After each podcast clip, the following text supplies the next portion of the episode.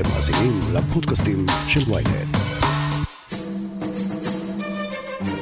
הוועדה לאיתור המועמדים לתפקיד היועץ המשפטי לממשלה יוצאת לדרך בניסיון למצוא את מחליפו של הדוקטור אביחי מנדלבליט. יש פעולות שמבקשות לעשות דה-לגיטימציה אישית לבכירים במערכות האלה.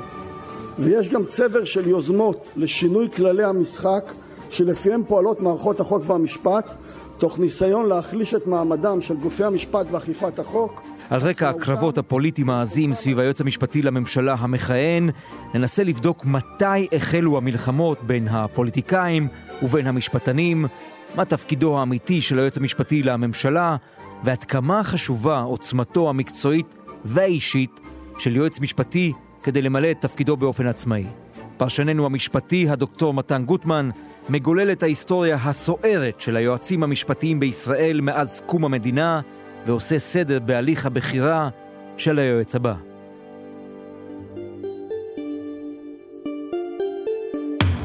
הכותרת, פודקאסט החדשות של ynet עם עטילה שומפלבי. דוקטור מתן גוטמן, לפני שנדבר על בחירת היועץ עכשיו, בואו נדבר על ההיסטוריה של היועץ המשפטי לממשלה בישראל. מתי בעצם האיש הזה הפך לכזה כוכב, אם תרצה במרכאות? האמת היא מהיום הראשון. מהיום הראשון של הקמת המדינה, אפשר באמת להגיד שאולי הוא האדם החזק, המשמעותי ביותר במדינת ישראל. ואיך הגענו לשם? הגענו לשם ממפגש מקרי בין שני אנשים. שום דבר לא היה מתוכנן, שום דבר לא היה מסודר. הרעיון היה שיהיה במדינת ישראל מה שנקרא טרני ג'נרל, כמו באנגליה. שר המשפטים הוא היועץ המשפטי לממשלה, הוא אחראי על התביעה הכללית, השר עצמו, כמו בארצות הברית, האיש הפוליטי. אממה, שר המשפטים הראשון היה פנחס רוזן. מנכ"ל משרד המשפטים הראשון היה יעקב שמשון שפירא. ויעקב שמשון שפירא בא ואמר, אני אחראי על הייעוץ המשפטי, ואני גם אהיה אחראי על כל הנושאים של התביעה. רוזן, בשפה הפשוטה, זרם איתו.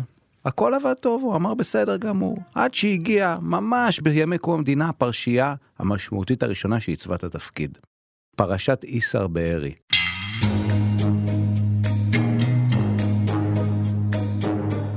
מי שלא זוכר, היה פרשה מאוד ידועה שהוציאו להורג את טוביאנסקי. הוא היה קצין, ממש בימי קום המדינה. הוציאו אותו במשפט שדה להורג, איסר בארי. ואז עלתה הסוגיה הזאת לשיח הציבורי, והחליט היועץ המשפטי לממשלה לפתוח בחקירה. קמה מהומה ציבורית, וכמובן בן גוריון רצה למצוא דרך להשתיק את זה, לסגור את זה, נעשה ועדה, נפצה את המשפחה, נסגור את העניין. בא יעקב שמשון שפירא, אנחנו בחודשים הראשונים של המדינה אומר לא, לא, לא, לא, לא, שלטון החוק. אני רוצה לבחון את העניין, אני אולי אעמיד אותו לדין. בן גוריון אמר לא, לא, אני מחליט, אני ראש הממשלה, בן גוריון. אמר לו יעקב שמשון שפירא, אני היועץ המשפטי לממשלה, ובהעמדה לדין רק אני מחליט. אמר לו בן גוריון, אתה עורך הדין שלי. אמר לו, אני לא עורך הדין שלך, אני מייצג את האינטרס הציבורי, ואני מחליט שצריך לחקור אותו, ואם כן, להעמיד אותו לדין. ממה שאתה מתאר לנו כאן, כל המריבות האלה, כל הטיעונים שאנחנו שומעים בשנים האחרונות נגד היועץ המשפטי לממשלה הזה ואחרים שהיו לפניו, כל זה בעצם כלום, זה פשוט פרפטום מובילה של האשמות הדדיות בין פוליטיקאים לבין היועץ המשפטי לממשלה. המשפטנים קובעים, הם קבעו גם לפני 70 שנה. זה מהיום הראשון, אטילה. זה עכשיו, זה לא נגמר רק בזה. מה שסיים באותה פרשייה, אמר יעקב שמשון שפירא, אם אתה מביא את זה לדיון בממשלה והממשלה תכריע, אני מתפטר. ואכן, בן גוריון נכנע. הכניעה הזאתי של בן גוריון עיצבה את התפקיד. מאז התקבע בעצם שהיועץ המשפטי לממשלה הוא בעל עצמאות מלאה בשיקול הדעת, אבל לא כולם קיבלו את זה. זה התקדם ככה גם ליועץ המשפטי השני, שזה היה בעצם חיים כהן במשך עשור, עד שבתחילת שנות ה-60, המדינה בת 13-14, מגיע שר משפטים חדש, דוב יוסף, ויש גם יועץ משפטי לממשלה חדש, גדעון האוזנר. בא דוב יוסף אומר, חברים, לא יהיו שני שרי משפטים במשרד הזה, רק אני שר המשפטים. אין שניים. אין אחד שהוא חותמת גומי, ואחד שהוא מחליט פה הכל. הוא מקליט מי להעמיד לדין, איך להעמיד לדין, הוא היועץ המשפטי. מה זה הדבר הזה? אני נותן דין וחשבון לציבור ולכנסת, מי הוא? הוא פקיד. פקיד. פקיד, אותו דבר. מה כמובן עושה בן גוריון? מקים ועדה. ואנחנו בוועדת מה שנקרא ועדת אגרנט הראשונה, ועדת המשפטנים, שנת 61, לקביעת סמכויות היועץ המשפטי לממשלה. לא השתנה כלום, אטילה. שידור חוזר. שידור חוזר. הייתה ועדה, ישבה על המדוכה. מה יצא? שהיועץ המשפטי צודק, קבע הוועדה שליועץ המשפטי יש עצמאות מלאה בתחום הפלילי. מלאה, אי אפשר להתערב בשיקול דעתו. בוא נגיד גם בשביל הנושא ההיסטורי, באותה תקופה בדיוק גדעון האוזנר היה מאוד על הגל ופופולרי, כי בדיוק היה את משפט אייכמן. למעשה הדוח הזה אומץ בממשלה ונותר פתח מסוים שעד היום אנחנו מתווכחים איתו אם תרצה נגיע אליו בהמשך מה בעצם הסמכויות של היועץ המשפטי בכל הנוגע לדברים שהם לא פליליים. הייעוץ המשפטי ייצוג בבג"ץ על זה יש עד היום מחלוקות אבל כל הוויכוחים האדירים האלה היו אז והמשיכו עם כל יועץ משפטי ועם כל ממשלה הם המשיכו אחר כך עם שמגר עם ברק בלי סוף. בלי סוף משום שיש כאן כל הזמן הרצון של הפוליטיקאים למשול ללא שום מגבלות, ומן הצד השני הרצון של המשפטנים להגביל, לשים את הגדרות, לקבוע היכן הקווים האדומים בתוך הממשל הישראלי כולו ככלל. אבל היו גם רגעים דרמטיים בתפקיד הזה, נכון? פרשת כף 300 ועוד כל מיני רגעים כאלה. בוא, בוא נקפוץ רגע לרגע שבו חשבנו היסטורית שאולי התפקיד הזה בבעיה. היו כמה רגעים דרמטיים מאוד בהיסטוריה של התפקיד וזה נכון מה שאתה בדיוק אומר. בסופו של יום במציאות השלטונית הישראלית הוא בלם מאוד משמעותי לשלטון. הוא בלם פנימי. הוא השומר של שלטון החוק. הוא שומר הסף בהיעדר זה שיש לנו כנסת חלשה ומנגנונים חלשים ולא ניכנס לעומק אבל הוא, הוא גורם מאוד משמעותי. ובוא נחזור רגע לשנות ה-70.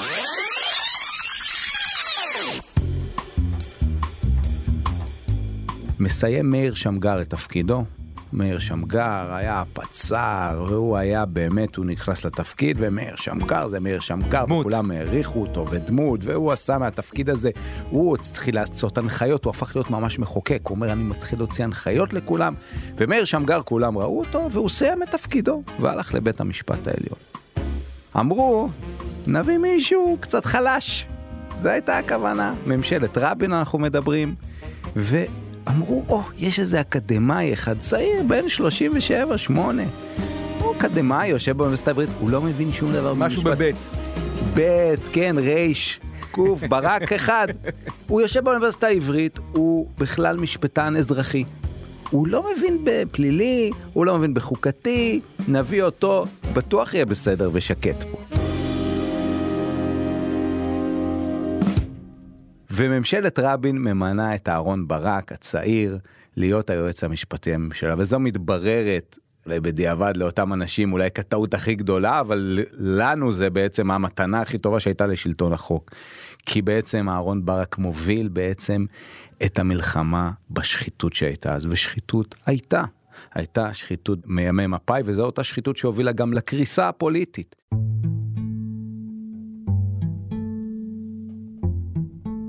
פעם ראשונה שמתחילים חקירות אמיתיות נגד שרים, פרשת ידלי, פרשת עופר, שר מתאבד.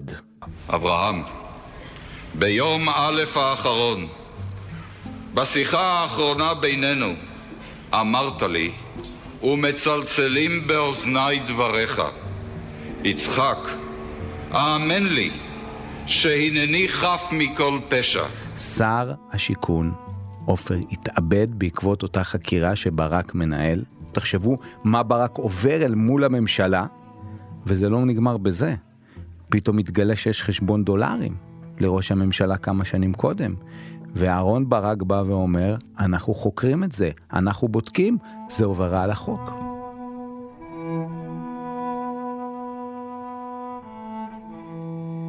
ואז מגיע אליו שר האוצר לאהרון ברק, אומר לו, אדוני, לי יש סמכות כשר אוצר לסגור את התיק בכופר. אנחנו נסגור את התיק הזה של ראש הממשלה, זה לא מצדיק כתב אישום. אומר לו ברק, אבל מה יקרה אם מישהו יעתור לבג"ץ? אז הוא אומר לו, שר האוצר, אף אחד לא יעתור לבג"ץ, מי יכול לעתור נגדי בכלל לבג"ץ? הוא אומר, יכול להיות שאתה צודק, לפי הדין אז, אף אחד לא יכול, אבל אם אתה תעשה את זה, אני, היועץ המשפטי לממשלה, אעתור נגדך לבג"ץ שתבטל את ההחלטה שלך. זה אומר אהרון ברק היועץ המשפטי לשר בממשלה. לשר באותם ימים. רבינוביץ', שר האוצר, החזק. החזק, ממשלת מפא"י, רבין, הרמטכ"ל, ועד שהוא בסוף בא ואומר לרבין, או שאתה הולך הביתה או שאני מגיש כתב אישום. הצהרתי בהזדמנויות רבות שהאחריות היא משותפת, פורמלית ומוסרית.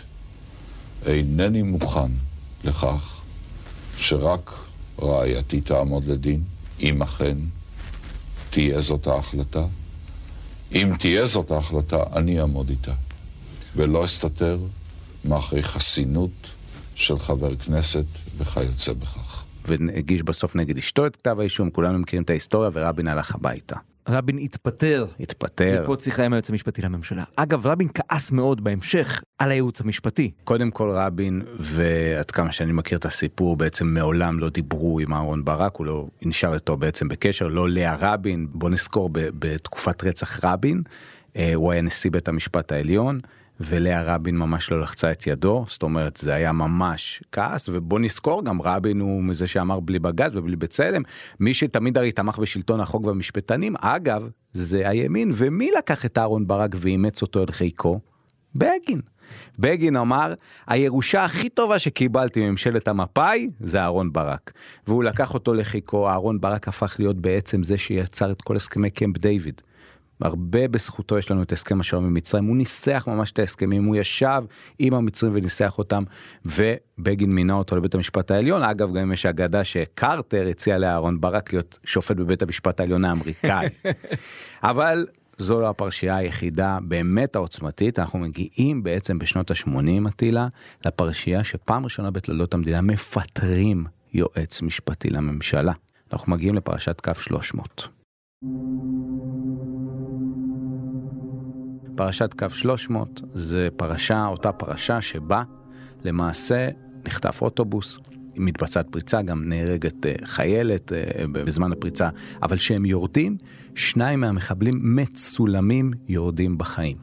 לאחר כמה שעות יוצאת הודעה לעיתונות, שני מחבלים בעצם נפצעו ומתו בדרכם לבית החולים. וזה מדליק נורות אדומות. כי אנשים היו שם, עיתונאים היו שם, ראו את הדברים, אמרו, הכל היה בסדר איתם, מה קרה? יש תמונות. ופה בעצם מתחיל מחול ציבורי, מתחיל שיח ציבורי, זה מגיע ליועץ המשפטי לממשלה יצחק זמיר. הוא בא לארנס, ארנס היה שר הביטחון, אומר לו, תשמע, כדאי לטפל בסוגיה הזאת, מה קרה פה? ארנס בהתחלה אומר לא, עד שהוא מתחיל לשמוע שהם אומרים זה הצבא עשה דברים, אז ארנס אמר, אה, הצבא, אז אנחנו נבדוק כבר את הסוגיה הזאתי. והוא מקים ועדה, ואז השב"כ בא ואומר, אנחנו אבל רוצים לשלוח נציג לוועדה הזאת, כי גם אנחנו היינו מעורבים, והם שמים את יוסי גנוסר. בודק את הוועדה, לא מצליחה להגיע למסקנות. ובזה נסתיימת מערכה א' של אותה פרשייה. אנחנו מתקדמים שנתיים קדימה, יצחק זמיר לקראת סוף ימיו כיועץ משפטי לממשלה, ומגיעה אליו דורית בייניש. אומרת לו, תשמע, אני מייצג את המון את השב"כ בכל התיקים הביטחוניים. השב"כ מתפורר מבפנים. קורה משהו בשירות הביטחון הכללי. מה הולך שם? יש שם מעגל של שתיקה, יש שם סכסוכים, יש שם אינטריגות, משהו קורה שם. צריך לבדוק את זה. ואז היא מגיעה אליו עם סיפור מדהים, היא אומרת לו, תשמע, הם מספרים שלמעשה אותה פרשייה מ-84, אתה זוכר? היא אומרת לזמיר, מי שהורה להרוג את המחבלים זה היה ראש השב"כ, אברום שלום. ואחר כך כדי לעשות cover-up, כדי לעשות חיפוי, הם בידו ראיות, הם מיטו את כל ועדות החקירה שלך. יוסי גנוסר, שהיה בעצם הנציג של השב"כ בוועדות, בבוקר ישב בוועדה, בערב תיאם עדויות של אנשי השב"כ. אתה מאמין לסיטואציה הזאת ששירות הביטחון בעצם מטה את הבדיקה של המדינה? והוא לא האמין למשמע אוזניו. הוא ממש זימן את אותם אנשים מהשב"כ לדיון אצלו. הוא ממש עושה להם חקירה. והוא מבין שקרה פה מעשה שלא יעשה. והוא בא ואומר, צריך לחקור את הפרשה, צריך לפתוח חקירה, משטרה, ואז יש מולו שלושה ראשי ממשלה מכהנים ובדימוס, רבין, שמיר ופרס, כחומה בצורה, אומרים לא תהיה חקירה. אומר להם זמיר, תהיה פה חקירה. אנחנו לא נוותר, זה שלטון החוק. לא יעשו כאלה דברים בלי חקירה. וזה התנגשות שלא הייתה בתולדות המדינה, תחשוב את הסיטואציה. עכשיו, זה משחק ילדים לדבר הזה. והם מגיעים למצב, עד שמגיע יום שישי אחד בבוקר שיש ישיבת ממשלה, הם באים אומרים לו, אתה מפוטר. וממנים למעשה את חריש. ואז חריש נכנס לתפקידו, הוא מבין את הסוגיה, הם חשבו שאולי חריש ילך איתם, ואז חריש אמר להם חברים, אי אפשר לסגור את הסוגיה הזאת ככה. ואז מגיע הרעיון, אותו רעיון שכולנו מכירים, החנינה. אומרים בוא נפתור את זה באמצעות חנינה על ידי הרצוג האבא. וזה בתנאי שחריש יכשיר את זה. מסתבר שהייתה חוות דעת ישנה שאומרת שאי אפשר לתת חנינה לפני משפט, הרי אנחנו מדברים בכלל בלי חקירה בלי כלום. מזמנים את היועץ המשפטי, אומרים לו, לא, לא, תיתן עכשיו חוות דעת. אומר לו, אני צריך יומיים לבדוק. אומרים לו, לא, לא, לא, לא, עכשיו, עכשיו תיתן חוות דעת, כי יודעים שאם הוא יחזור למשרד המשפטים, כולם יגידו לו, לא, אי אפשר. אומרים לו, תיתן עכשיו חוות דעת שהוא יכול לתת החנינה. ממש הושיבו אותו כדי לתת, ואז אומר חריש, בתפילה היהודית אומרים, מותר להתפלל עם עבריינים. וזה לא בהכרח אנשים שהורשעו, אז אני חושב שיש סמכות לתת חנינה, בגלל שהביטוי בחוק יסוד נשיא המדינה זה לחון עבריינים. עבריין זה לא בהכרח אדם שהורשע, זה גם יכול להיות מישהו שחושבים שהוא עשה עבירה. וכך זה הוכשר, ובעצם זאת, ככה נסתיים את הפרשה. מיד נמשיך עם הכותרת, אבל לפני כן, הודעה קצרה.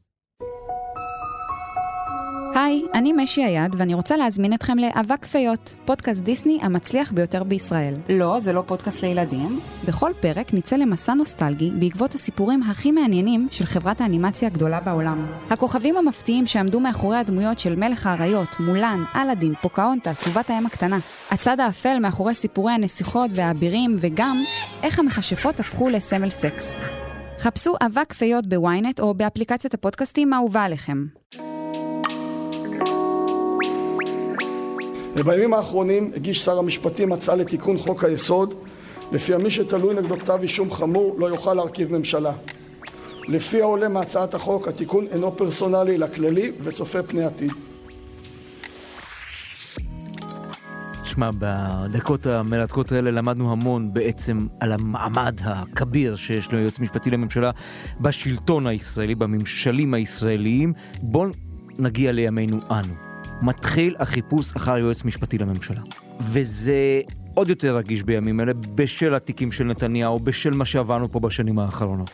קודם כל אני חייב לשאול אותך, האם אתה חושב שיועץ משפטי לממשלה צריך להיות גם התובע הכללי במדינת ישראל? מדברים על הפרדת הסמכויות, למה שלא יפרידו באמת? אז אכן היועץ המשפטי לממשלה אנחנו בדגם מאוד ייחודי וחייבים להגיד אין כזה דבר בעולם. בעולם יש שני דגמים בגדול, דגם שהיועץ המשפטי, אחד שאחראי גם על התביעה וגם הוא נותן את הייעוץ, הוא בעצם האיש הפוליטי, שר המשפטים, זה דגם מספר אחד. דגם מספר שתיים, הפרדה, שיש מישהו שאחראי על התחום הפלילי שהוא עצמאי, ויש יועץ משפטי שבעצם הוא מחויב לממשלה, למדיניות שלה, הוא כמו העורך דין שלה, הפרדה. אצלנו יש פקיד, איש לא פוליטי, שאחראי על שניהם. אין כזה בעבר בעולם. עכשיו השאלה האמיתית שצריך לשאול אותה, האם במציאות הישראלית שלנו שנבנתה כמו שאני תיארתי פה מעשרות שנים של ויכוחים, זה לא משהו שהומצא ברגע, זה פשוט נבנה לדגם הישראלי, אם נזיז את זה, האם הנזק יעלה על התועלת? זאת השאלה הגדולה. אני חייב להגיד, יש הרבה טיעונים למה להפריד, בטח ראינו את ה... ניגוד עניינים מסוים בזה שאתה גם יועץ משפטי גם מגיש כתב אישום נגד ראש הממשלה אבל אני חושב שזה לא השאלה האמיתית. אין לי בעיה לדוגמה עם, עם הסוגיה של ההפרדה השאלה האמיתית זה העצמאות. האם אחרי שנפריד היועץ המשפטי, מי שייתן את הייעוץ המשפטי והגורם השני שיהיה ראש התביעה הכללית, עדיין תישמר עצמאות שיקול הדעת שלהם מהמערכת הפוליטית. זו החשיבות וזו השאלה האמיתית שצריך לשאול. זאת אומרת, כל עוד תישמר העצמאות שנבנתה במשך 70 ומשהו שנים, מאז קום המדינה, מאז אותה פרשה שסיפרתי לכם בארי, אז במצב הזה אפשר אולי לחשוב באמת על הכיוון של ההפרדה. ולכן זאת השאלה, לא לפצל או לא לפצל, עצמאי או לא עצמאי, זאת השאלה. איזה אדם צריך להיות היועץ המשפטי לממשלה? הרי מנדלבליט היה המזכיר הממשלה של ראש הממשלה נתניהו. נתניהו תמך במינויו ליועץ משפטי לממשלה ואחר כך התהפך עליו לחלוטין בשל תיקיו האישיים. האם היועץ המשפטי לממשלה צריך לבוא מן הפרקטיקה הפרטית, כמו שהיה אה, ויינשטיין, או שמא צריך לבוא מן האקדמיה, או שמא ממשרד המשפטים, מישהו שגדל שם, מי הדמות הנכונה לדעתך? דבר ראשון, יועץ משפטי הממשלה צריך להיות משפטן מעולה. ממש משפטן מעולה, בוא נגיד מהצמרת, מהמוחות המשפטיים המבריקים ביותר שקיימים, מכיוון שיועץ משפטי לממשלה מתעסק בכל כך הרבה סוגיות משפטיות, מפלילי, חוקתי, אזרחי, אין כמעט סוגיה שהוא לא נוגע בה, זה דבר ראשון. דבר שני, צריך איש שמכיר את המערכת הציבורית. להביא מישהו שאין לו שום היכרות איך הדברים עובדים, יהיה לו לא פשוט. צריך אדם שמכיר איך מערכות ציבוריות, איך הממשלה עובדת, איך הכנסת עובדת, לא בהכרח שהוא בא מבפנים, אבל מכיר, יודע, הייתה לו איזושהי התנסות, וצריך אדם עם עמוד שדרה, עם אינטגריטי, אדם שידע לעמוד מול השררה, אדם שידע להיות שומר הסף, אדם שלא יתכופף, שלא ייכנע, שברגע האמת, כי תמיד מגיעים הרגעים האלה, כמו שתיארנו אצל כל יועץ משפטי הממשלה, זה הגיע שיש את הרגעים האלה שהוא צריך לעמוד מול הכוחות הכי חזקים במדינה. לעמוד מולם ולתת את עמדתו האמיתית, מה הדין, מה החוק אומר. ולכן זה בעצם שלושת התכונות העיקריות, לא פשוט למצוא, יש לנו אנשים טובים. גם נזכור רגע, בואו נלך רגע אחורה, גם הוועדה הזאת שעכשיו מונתה, והתהליך של המינוי, זה לא דברים שקרו בעלמא. בואו ניקח את זה לדימוי לעולם הצבאי, נכתבו בדם, קרו מקרים. עד סוף שנות התשעים מי שמינה את היועץ המשפטי זה הממשלה. כל הדברים שנתתי לכם, הממשלה למעשה מינתה אותו, שר המשפטים הביא אותו. מה קרה לנו בסוף שנות התשעים? עוד פרשה שבטח רבים לא זוכרים, אבל שומעו לה את השם, ברון חברון.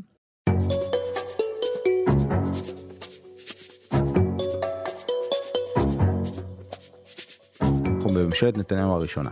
פרשת ברון חברון הייתה חשד לקנוניה שרוני ברון ימונה ליועץ המשפטי לממשלה, בתמורה הוא יעשה עסקת טיעון עם דרעי, וש"ס יתמכו בהסכם חברון שנתניהו רצה לקדם. זה פרשה שמתפוצצת ומזעזעת את אמות הסיפים במדינת ישראל. רוני ברון הוא יועץ משפטי של 24 שעות, מוגש בג"ץ, בג"ץ עוצר את המינוי שלו. תחשבו את הסיטואציה, בג"ץ עוצר את המינוי, מתחוללת פה דרמה ענקית, הוא מיד פורש מתפקידו, מגיע אליקים רובינשטיין, ממשיכה חקירת משטרה, בסוף התיקים נסגרים, יש דוח, מה שנקרא דוח ציבורי של אליקים רובינשטיין, שאומר, היו דברים לא ממש תקינים, לא פלילי.